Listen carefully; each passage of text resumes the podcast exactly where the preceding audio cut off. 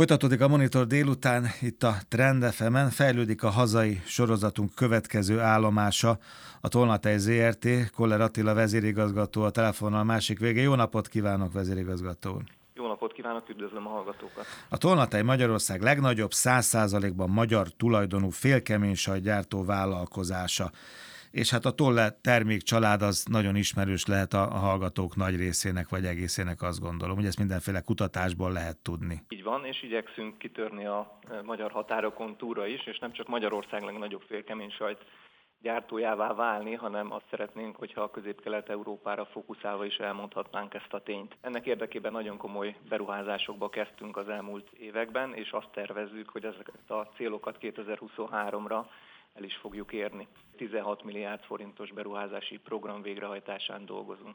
Ugye legfőképpen belföldre termelnek, ugye ezt el lehet mondani 97%-ban, ugye, ha jól láttam? Valóban, ugyanakkor van egy olyan termékünk, ami a sajgyártás melléktermékét, a savót dolgozza tovább fel, és ebből egy nagyon exportképes terméket állítunk elő, az úgynevezett demineralizált eh, savóport, tehát ásványi sómentesített savóport, és ezt exportáljuk gyakorlatilag Ázsián, Afrikán keresztül, akár elmondhatom az arab országokat, vagy Nyugat-Európát is, tehát szinte a világ minden tájékára. Arra nagyon kíváncsi vagyok, hogy az elmúlt másfél évben mi okozta a legnagyobb nehézséget, és hogy az elmúlt másfél év tapasztalata, vagy lassan két év tapasztalata, az mennyiben határozta meg a fejlődés irányát, vagy a beruházások mienségét? Nyilvánvalóan a Covid a mi iparágunkat is érintette. Én azt gondolom, hogy kettős hatásról beszélhetünk.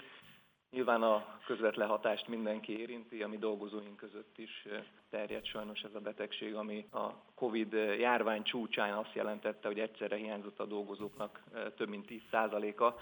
Nyilvánvaló nagyon nehéz megszervezni ilyenkor a termelést, és hát látnunk kell azt is, hogy a mi nyersanyagunk, a mi késztermékünk is romlandó, hát ez fokozza még ezeket a nehézségeket. Jó, meg hát home office-ból nehéz sajtot készíteni, gyártani az egészen biztos, igen.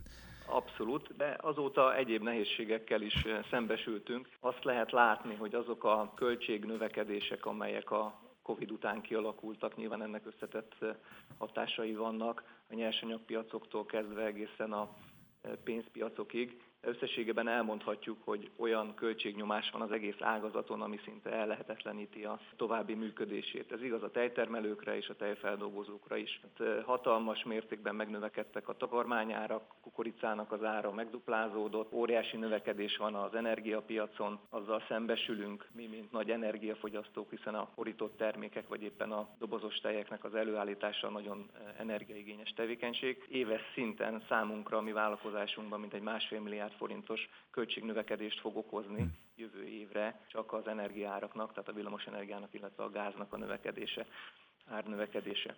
De nyilván ezzel szembesülünk a gázolajnak a piacán, ami növeli a fuvarköltségeket, nagyon komoly csomagolóanyag árváltozás. hiányjal szembesülünk, ami a béreket növeli, csomagolóanyag árak, műanyagipari termékek, papíripari termékek ára az egekben, tehát gyakorlatilag azt lehet mondani, hogy az ágazat nem fogja túlélni ezt a költségnövekedést, ha csak nem emeli meg a késztermék árait. Sajnos erre kényszerülünk, de nincs más út ma. Igen, ezt látják a, a, a fogyasztók is nyilván a, kereskedelemben, a polcokon, hogy hogyan változtak az élelmiszer árak az elmúlt hetekben, hónapokban.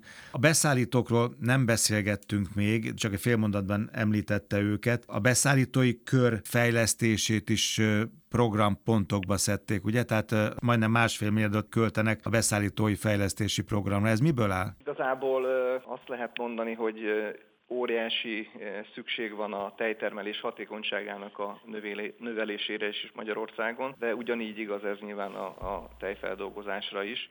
Tehát én azt gondolom, hogy ezeket az éveket mindenképpen arra kell felhasználnunk, hogy nagyon erős beruházási tevékenységgel növeljük a tejtermelésnek, illetve a feldolgozásnak a hatékonyságát. A Tónatej ZRT Magyarország egyik legnagyobb és nagymértékben meghatározó tejfelvásárlással foglalkozó cége. Több mint 100 tejtermelőtől vásárlunk 10 megyéből Magyarországon fel nyerstejet. 100%-ban magyar nyerstejből állítjuk elő a késztermékeinket és csak hogy lássa, a, illetve hallja a kedves hallgató a mértékeket, mi éves szinten 260 millió liter tejet dolgozunk fel. Igazából a fókuszok a fejlesztésben a következő évben vagy években azok hova esnek? Azt olvastam, hogy van egy Európai Uniós irányelv, miszerint az, az italokhoz használt kupakokat a palachoz kell majd rögzíteni a jövőben, talán 24-től, hogy azok a felbontást követően is a palackon maradjanak. Hát ez merőben új, én, én például ilyen gyakorlatot még a magyar piacon nem látom, legalábbis ami a tejterméket illeti, de lehet, hogy rosszul figyeltem. Hamarosan találkozni fogunk ezzel a boltok polcain is, hiszen 2024-től van hatályban az a Európai Uniós irányelv, ami kötelezővé teszi a teljes dobozos tejeket előállító gyártókat ennek a megvalósítására. Tehát valóban, ahogyan elmondta, ez így lesz igaz.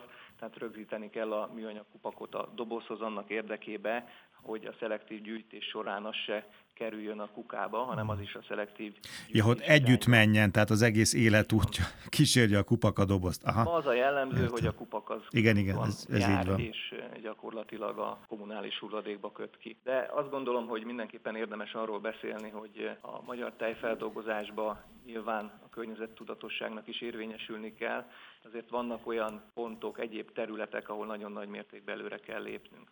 Ugyanúgy, hogy a magyar gazdaság többi ágazatában, a, a magyar élelmiszeriparban is azt gondolom, hogy óriási problémát jelent a munkaerő hiány, tehát eh, mindenképpen fel kell zárkoznunk a nyugat-európai termelővállalatokhoz a tekintetben, hogy hatékonyabban tudjuk a munkaerőt működtetni, illetve az automatizáltságnak a fokát növelni tudjuk. Nagyon fontos iránya ez a következő évek fejlesztésének azok a töltőgépeket modernizálni, a csomagolást modernizálni, automata gépsorok, robotok felhasználása, valami ilyen jövőkép látszik? Abszolút arra kell gondolni nyilvánvalóan, hogy azokat a munkafolyamatokat, amelyeket robotizálni lehet, azt minél hamarabb meg kell tenni, és ezzel kell elérnünk azt, hogy minél nagyobb hozzáadott értéket tudjunk teremteni és minél jobban meg tudjuk fizetni a hazai munkaerőt. A csomagolanyagokkal mi a helyzet? Azt az ember látja mondjuk az ásványvizes palackoknál, hogy egyre inkább vékonyítják a csomagolást is, meg magát a palackot is a gyártók. A tejeknél milyen lehetőség van? Azt például ö, olvastam, hogy a, a zacskós tejek gyártását már teljesen beszüntették, de nyilván a, a csomagolás az egy, az egy nagyon fontos kérdés. Egyrészt, hogy mennyibe kerül, hogy mennyire környezetbarát, mennyire fenntartható, visszagyűjthető esetleg. Itt most milyen irány látszik az önök szektorában? Teljes dobozok esetében a fejlesztési irányt eh, abban látjuk, hogy növeljük a teljes dobozban a papírnak a eh, százalékos arányát. Ma már ott tart a technológia, hogy 90 eh, százalék fölötti arányban található papír a teljes dobozban, tehát csökkentjük a műanyagnak az arányát gyakorlatilag ez a fő cél. Tehát tulajdonképpen papír alapú lesz akkor a teljes doboz teljesen, vagy hát ez a... Ez Így a... van, hamarosan én azt gondolom, hogy ez elérhető, és ez teljes mértékben újrahasznosíthatóvá válik. A fogyasztási szokások azok hogy alakultak az elmúlt időszakban? Azt mondtam önnek, mikor egyszer beszéltünk a napközben, hogy én nem vagyok egy nagy tejfogyasztó, sőt egyáltalán nem fogyasztok tejet, de hát látom a trendeket, tehát látom azt, hogy, hogy a, a zsírszázalékok hogyan vált változtak az elmúlt években, hogy a, a light tejek azok, azok mekkora teret nyertek az utóbbi időszakban, ugyanez nyilván a sajtokra, meg a többi termékre is igaz, de milyen fogyasztási szokásváltozást látszik most itt Magyarországon, vagy a régióban? Több dolog is működik egyszerre a piacon. Én azt gondolom, hogy valóban ez egy látható és fontos trend, amit ön mond, tehát a fogyasztók megpróbálnak egyre egészségtudatosabban táplálkozni, és ebben az is beletartozik, hogy a zsírfogyasztást próbálják csökkenteni. Nyilvánvalóan ez a tejipari termékek piacán is megfigyelhető ez a trend. Ugyanakkor azzal is szembesülünk, hogy azért a fogyasztó egy idő után észleli azt, hogy az a termék, amiben kevesebb a zsír, az bizony az aromákat, az ízeket, az illatokat is hiányolni fogja. És ez azt is jelenti, hogy egyben az, azt is tapasztaljuk, hogy bizony van kelete azoknak a termékeknek, amik a megfelelő mennyiségű tejzsírt és ízt és aromát is tartalmazzák. Tehát én azt gondolom, hogy a klasszikus termékeknek is megvan a jövője, megjön a e, reneszánsza, de nyilván igyekszünk mi, mint Tolnatej ZRT minden fogyasztói igényt kielégíteni, mind az egészségtudatos táplálkozásban gondolkodók, gondolkodók igényeit, mind pedig azokét, akik teltebb ízvilágot kedvelnek. Egy ilyen adatsorban láttam, hogy, hogy sokkal több tejet dolgoztak fel a járvány időszakban. 180 millióról 250 millió literre nőtt, hiszem 2020-ban 19-hez képest ez a mennyiség.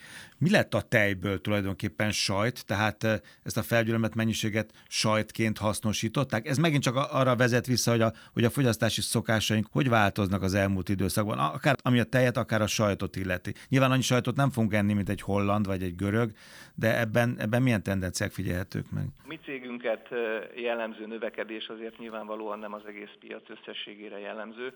A tolnatej egy, egy piac bővülő offenzívában van, nyilván ehhez igazítottuk a fejlesztéseinket is. Valóban igazak azok a számok, három évvel ezelőtt a Tolnatej ZRT még 30 milliárd forint körüli árbevételt ért el, 180 millió liter tejet dolgozott fel évente. Ma ezek a számok már 50 milliárd forintos árbevételt és 260 millió literes éves tejfeldolgozást jelentenek. Tehát nyilván van egy beruházási programunk, egy fejlesztésünk, Eh, aminek természetesen az is célja, hogy a, a cég bővülni, növekedni tudjon. Egyébként több tejet iszunk, vagy több sajtot fogyasztunk, mint az elmúlt Én időszakban? Azt gondolom, hogy évről évre egy picit mindig többet fogyasztanak a magyar vásárlók. Természetesen ez nem ilyen 30%-os hmm. Eh, növekedés jelent, hanem minden évben egy-két százalék. De azért azt látjuk és üdvözöljük, hogy a magyar fogyasztónak a vásárló ereje azért az elmúlt években növekedett, és eh, azt mondhatjuk, hogy ez a tejpiacon is jelentkezik. Ugyanakkor a magyar tejágazat igyekszik eh, elébe menni ennek a fogyasztás növekedésnek és kiszolgálni a magyar fogyasztókat magyar árukkal. Nagyon üdvözítő, hogy az idei évben is az elmúlt hónapokban nőtt a tejtermelés a bázishoz képest mintegy 5,5 százalékkal. Tehát azok a fejlesztések, amelyek a iparágat jellemzik, mind a termelés, mind a feldolgozás területén, ezek azért nagyon kedvező számokban is megmutatkoznak. Egy akkora vállalkozás, mint a Tolnatej vásárol még őstermelőktől, vagy csak termelői csoportoktól vásárolnak már? Természetesen vásárolunk őstermelőktől is, illetve nagyon odafigyelünk azokra a kis termelőkre, akik kimondottan a mi hagyományos tejtermelő területünkön tevékenykednek. Tehát Tolna megyéből mi akárhol tevékenykedik egy kis termelő, mi azt a tejet el fogjuk hozni. Az elmúlt évtizedekben nagyon nagy fókuszt helyeztünk erre.